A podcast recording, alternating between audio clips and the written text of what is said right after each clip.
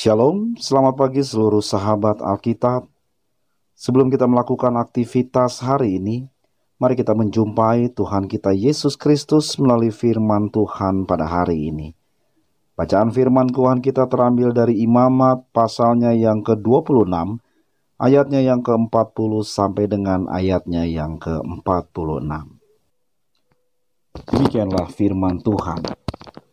Tetapi bila mereka mengakui kesalahan mereka dan kesalahan nenek moyang mereka dalam hal berubah setia yang dilakukan mereka terhadap aku, dan mengakui juga bahwa hidup mereka bertentangan dengan daku, aku pun bertindak melawan mereka dan membawa mereka ke negeri musuh mereka. Apabila kemudian hati mereka yang tidak bersunat itu telah tunduk dan mereka telah membayar pulih kesalahan mereka, maka aku akan mengingat perjanjianku dengan Yakub, juga perjanjian dengan Ishak, dan perjanjianku dengan Abraham pun akan kuingat, dan negeri itu akan kuingat juga. Jadi tanah itu akan ditinggalkan mereka, dan akan pulih dari akibat tahun-tahun sabat yang dilalaikan selama tanah itu tandus, oleh karena ditinggalkan mereka. Dan mereka akan membayar pulih kesalahan mereka, Tak lain dan tak bukan karena mereka menolak peraturanku dan hati mereka muak mendengarkan ketetapanku. Namun demikian, apabila mereka ada di negeri musuh mereka, aku tidak akan menolak mereka dan tidak akan muak melihat mereka, sehingga aku meminasakan mereka dan membatalkan perjanjianku dengan mereka, sebab akulah Tuhan Allah mereka.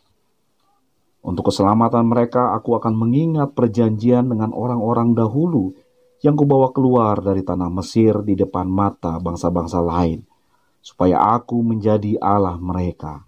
Akulah Tuhan.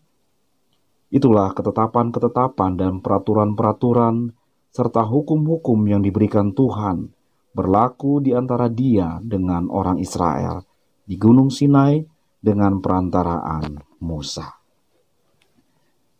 Sahabat Alkitab yang dikasihi Tuhan, Tuhan memberikan perintahnya kepada bangsa Israel dari atas gunung Sinai untuk menjadikan bangsa yang taat kepada Tuhan.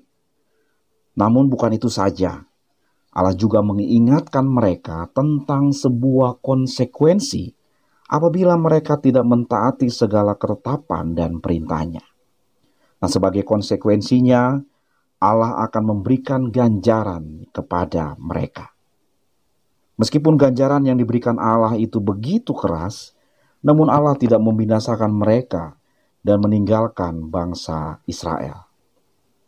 Bacaan kita pada pagi ini menunjukkan apa yang Allah maksudkan ketika ia pernah berkata di dalam keluaran pasalnya yang ke-34 ayat ke-6 bahwa ia adalah Allah yang panjang sabar dan berlimpah kasih setianya. Bahkan ketika bangsa Israel memilih untuk tidak taat kepadanya, Allah tetap memberikan kepada mereka kesempatan untuk bertobat dan berbalik kepadanya.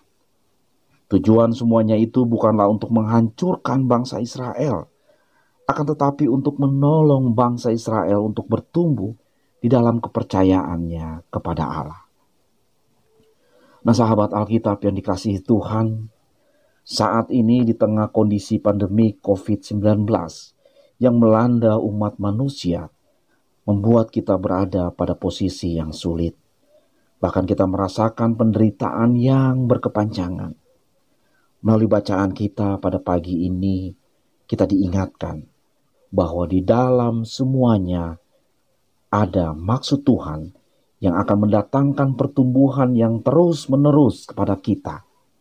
Pengharapan yang kita butuhkan melalui bacaan kita, kita diajarkan bahwa pengharapan itu hanya ada pada Tuhan, bahwa Tuhan adalah Allah yang setia, panjang sabar, dan besar kasih setianya. Ia adalah Allah yang setia menepati janjinya kepada kita sebagai umat pilihannya.